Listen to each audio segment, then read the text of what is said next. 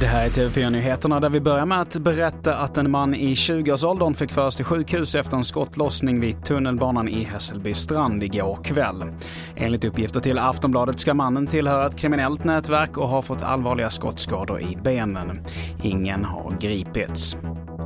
Och vi fortsätter med att antalet fall av kopparstölder inom järnvägstrafiken ökar på flera håll i landet. Bara i Skåne så har 30 fall rapporterats in på ett år och orsaken tros vara det stigande kopparpriset. Och man är orolig för att stölderna de sker i närheten av högspänningsledningar.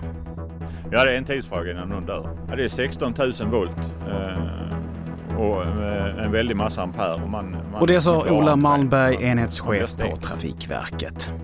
Och till sist lite OS. Idag så är det final både för damer och herrar i hästhoppningen klockan 12 och eh, 12.35 då är det final i damernas höjdhopp där vi håller tummarna för Maja Nilsson. Det var det senaste från TV4 Nyheterna. Jag heter Mattias Nordgren.